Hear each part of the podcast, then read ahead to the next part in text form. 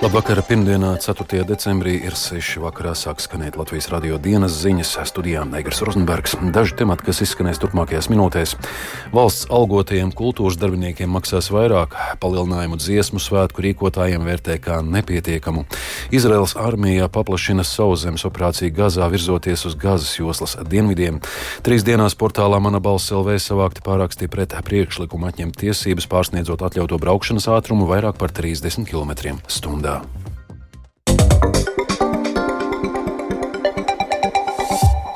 Pirms šonadēļ valsts budžeta projektu galīgajā lasījumā skatīs saimā, šodien par to vēl diskutēs saimas budžeta komisijā. Viens no komisijā atbalstītiem priekšlikumiem - novirzīt papildu līdzekļus atalgojuma palielināšanai kultūras darbiniekiem. Vienlaikus dziesmu un deju svētku kustībai nākamajos gados paredzēto papildu finansējumu uzskata par nepietiekamu. Vairāk par diskusijām komisijā Jāņa Kīņša sagatavotajā ierakstā. Nākamā gada budžetā papildu 4,4 miljonus eiro novirzīs valsts atalgoto kultūras darbinieku atalgojumu celšanai. Temats par nepietiekamu valsts teātru, orķestru, koru, cirka, operas un baletu darbinieku atalgojumu kontekstā ir budžetu pieminēts daudzkārt. Atalgojumu izdosies celt vidēji līdz 6%. Tas iespējams pārdalot finansējumu no citām programmām kultūras ministrijā.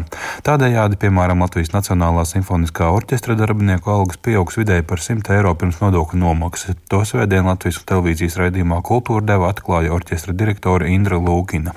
Vienlaikus šodien dziesmu un deju svētku kustība pievērsa plašu uzmanību ilgstoši nepietiekamajam finansējumam amatieru kolektīvu vadītājiem.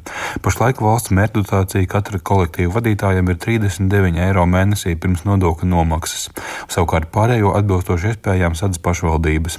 Turpmākajiem trīs gadiem valsts budžetā pašdarbības kolektīvu vadītāju atalgojumu pieaugumam beidzot ir paredzēts papildu finansējums. To komentēja Finanšu ministrijas valsts sekretāra vietniece Jolanta Plūme. Valdība uz otro lasījumu ir atbalstījusi priekšlikumu par papildus finansējumu 1,2 miljonu apmērā turpmākiem gadiem, lai tātad nodrošinātu dziesmu un deju svētku kolektīvu darba samaksas reformai nepieciešamo finansējumu, un kultūras ministrijai ir jāizstrādā un valdībā jāiesniedz attiecīgi normatīvi akti kas paredz šī finansējuma pārdali.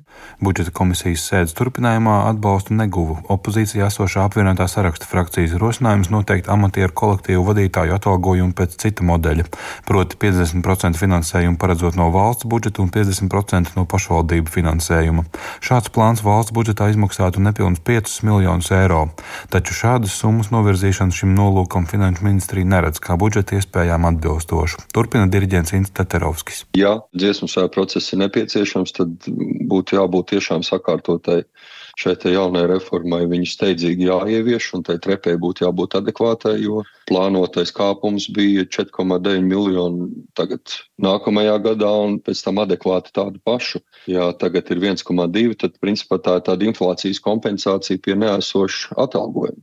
Saimnes komisijā atbalstu negūst neviens no opozīcijas priekšlikumiem. Šī praksa budžeta procesā līdz tā apstiprināšanai saimnes plenārsēdē neatšķiras no iepriekšējiem gadiem.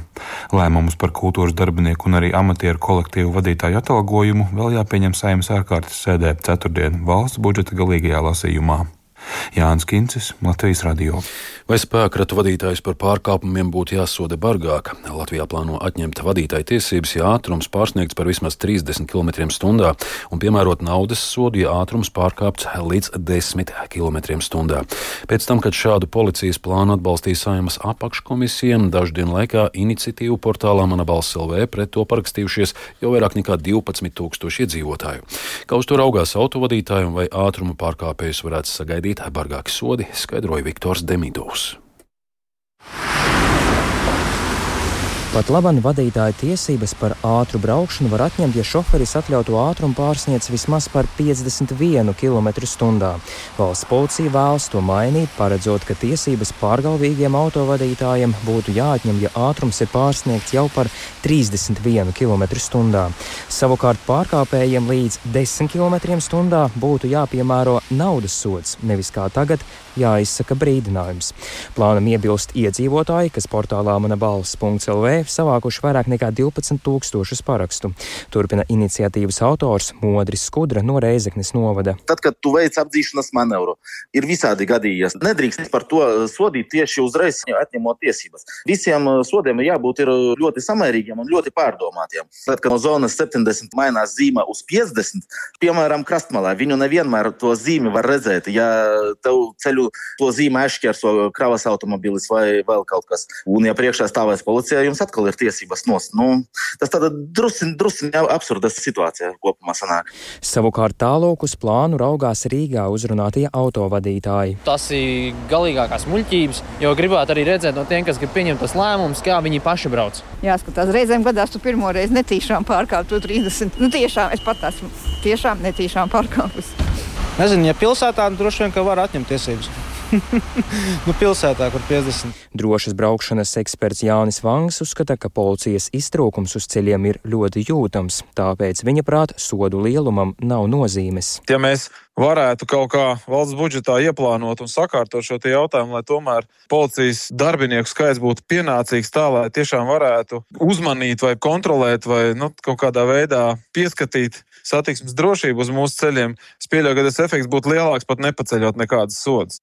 30 km virs atļautā, tas jau ir pietiekami liels ātrums, lai personai mazliet piebremzētu viņu agresīvo šo ātro braukšanu, manuprāt. Tā uzskata saimnes deputāts Gunārs Kūdris no Zaļo un Zemnieku savienības. Viņa pārstāvētā juridiskās komisijas krimināltiesību un sodu politikas apakškomisija bargākus sodus ir atbalstījusi. Pēc nedēļas to skatīs juridiskā komisija. Tās vadītājs Andrēs Judins no jaunās vienotības Latvijas radio gan teica, ka komisija komisija policijas iniciatīvu visdrīzāk neatbalstīs. Viktors Demidovs, Latvijas radio. Rīgas domas vadība ir neapmierināta ar ielu un ietvi uzturētāju darbu attīrot pilsētu no sniega. To šovakar īpaši sasauktā preses konferencē paziņoja Rīgas pašvaldības izpildirektors Jānis Lange. Sniegšanas laikā ielas gan esot tīrītas labi, bet ar pieturvietu un autostāvvietu sakopšanu gan atbildīgais uzņēmums nesot ticis galā. Darba veicējiem arī piemēroti sodi. Lange uzsvēra, ka ar savu rīkojumu dos laiku līdz rīt rītam pilsētas sakopšanai. Tiesa Lange Latvijas radio nemācīja pateikt, kāda rīcība sekos viņa rīkojuma neizpildes gadījumā.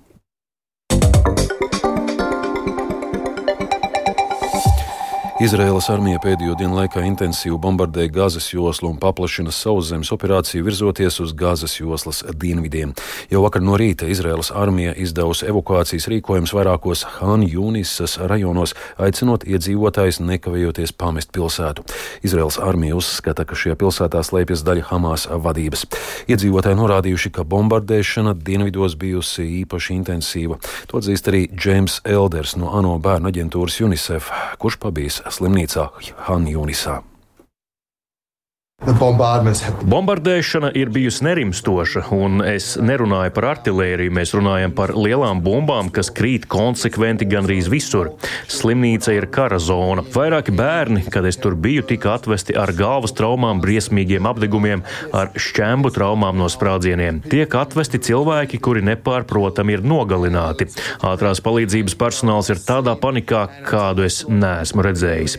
Tā ir slimnīca, uz kuru esmu regulāri devies un tur mani pazīst. Šie cilvēki satver manu roku vai kreklu un saka, lūdzu, aizvediet mūs kaut kur, kur ir droši. Kur ir droši? Diemžēl viņi uzdod jautājumu, uz kuru vienīgā atbilde ir tāda, ka nekur nav droši. Izrēlā šodien ierodas ASV prezidenta Džo Baidena administrācijas amatpersonu delegācija, lai runātu ar Izrēlu par to, kādai jāizskatās Gazas joslai pēc kara beigām. ASV modina izveidot starptautiskus spēkus, kas palīdzētu uz laiku pārvaldīt Gazas joslu pēc kara.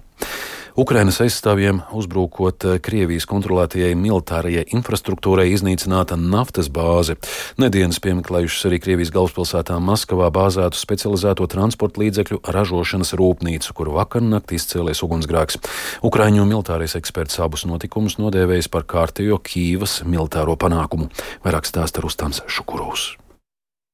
Ukrainas bruņotie spēki pagājušo nakti veica drona triecienu Krievijas kara spēka okupētajā Luhanskā esošajai naftas bāzei. Tā ir sadegusi, neizturēja bezpilota lidaparāta uzbrukumu. Pat okupantu pretgaisa aizsardzības spēki to nefiksēja. Vietnē Telegram paziņoja Luhanskas apgabala administrācijas vadītājs Arčuns Lisogors. Viņš arī dzen atzīmēja, ka naftas bāzes teritorijā bija dzirdams skaļš sprādziens, kas izraisīja plašu ugunsgrēku. Iebrucēji arvien vairāk saprot, viņiem ir bīstami atrasties vai kaut ko glabāt pat dziļā aizmugurē, jo arī tur ir Ukrainas bruņotie spēki, uzsvēra Lisogors. Tāpat Luhanskas apgabala administrācijas vadītājs piebilda, ka bezpilota lidaparāts deva triecienu tā dēvētās Luhanskas Tautas Republikas naftas sirdī.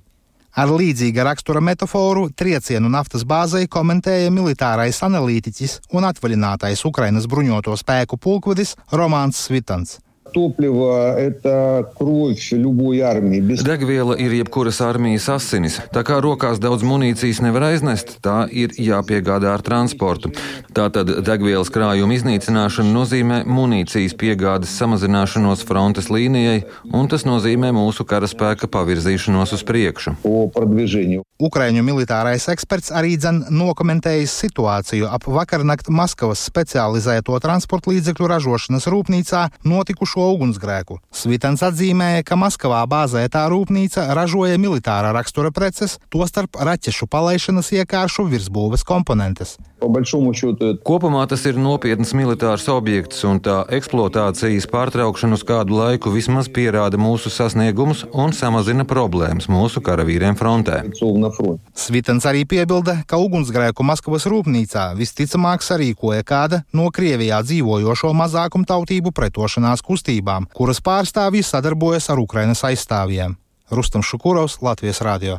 Baltkrievijas valsts drošības komitejas aktivitāte Lietuvā sasniegusi vēsturiski augstāko līmeni. Tā nekad nav bijusi tik aktīva. To atzīst Lietuvas valsts drošības departamenta direktors Darjus Jaunišķis. Tā vēsta Lietuvas sabiedriskie mediji. Jaunišķis norādījis, ka sociālajos tīklos notiek mēģinājumi vervēt Lietuvā dzīvojošos Baltkrievijas opozīcijas pārstāvjus un uzņēmējus. Baltkrievi Lietuvā saņemot sociālo mediju ziņas ar aicinājumiem sniegt informāciju par Baltkrievijas opozīciju Lietuvā, dažos gadījumos piedāvājot samaksu par agrāk paveikto. Turpina Rihards Plūme. Lietuvā pašlaik dzīvo vairāk nekā 60 tūkstoši Baltkrievu. Valsts drošības departamenta direktors Dārijus Jaunišķis atzina, ka turpinoties pašreizējām tendencēm, kad valstī ar darba vīzām vai pagaidu uzturēšanās atļaujām iebrauc ap 17 tūkstoši Baltkrievijas pilsoņu gadā, 2025. gadā Lietuvā būs 100 tūkstoši Baltkrievu. Jaunišķis atzina, ka visu šo personu pārbaudai var nepietikt laika un resursu, tādēļ nevar garantēt, ka visi tiks pārbaudīti. Viņš paudis atbalstu tam, lai Baltkrievijas un Krievijas pilsoņiem tiktu noteikti vienādi ierobežojumi iebraukšanai Lietuvā. Izglītības un zinātnes ministrija šorīt publiski izplatīja paziņojumu ar aicinājumu Latvijas Olimpiskās komitejas vadību atteikties no pretenzijām pret konkursā izvēlēto Latvijas Olimpiskās vienības valdes locekli un apstiprināt viņu amatā. Ministrija pat esot gatava tiesāties, bet Olimpiskā komiteja neizprot, kāpēc nelielas domstarpības par konkursu niansēm padarītas publiskas. Ministrijas sporta departamenta direktors Vladimirs Steinbergs Latvijas radio atzina, ka ir aizdoms par konkursa sākotnējo prasību piemērošanu konkrētam pretendentam pretendentam. Latvijas Olimpiskās komitejas vadītājs Jānis Buks oponēja, ka pret kandidātu neiebilst, bet nevēlas, lai viņš apvienotu Olimpiskās vienības vadītāju amatu ar ko citu. Šis nav nepilna laika darbs, teiksim tā. Mums nav atšķirības par kandidātu, kā viņa kvalitatīvajām prasmēm un iemaņām, bet mums ir fundamentāla atšķirība par to, vai tas ir pilna laika darbs vai tas ir nepilna laika darbs. Tāpēc arī Kesels aizgāja no šī amata, Jo mēs no pirmās manas ievēlēšanas dienas esam gājuši uz to, ka loka darbinieki un vispār no iesaistītie mēs nevaram būt kaut kādās mūsu kapitāla sabiedrības un arī nodibinājumi ir jāpārvalda profesionāli. Esot kaut kādās vairākās darba vietās, tas nav profesionāli. Izskan Latvijas radio dienas ziņas producents Edgars Kupčs, ierakstus montēja Renārs Šteimanis par labskaņu rūpējās Rīta Karneča studijā Egars Rozenbergs. Vēl tikai par laikapstākļiem. Galvaspilsētas centrā - mīnus 3 grādi, lēns rietumu vējš, atmosfēras spiediens 764 mm, relatīvais gaisa mitrums 92%. Kāds laiks gaidāms turpmāk, prognozē Toms Brīsis.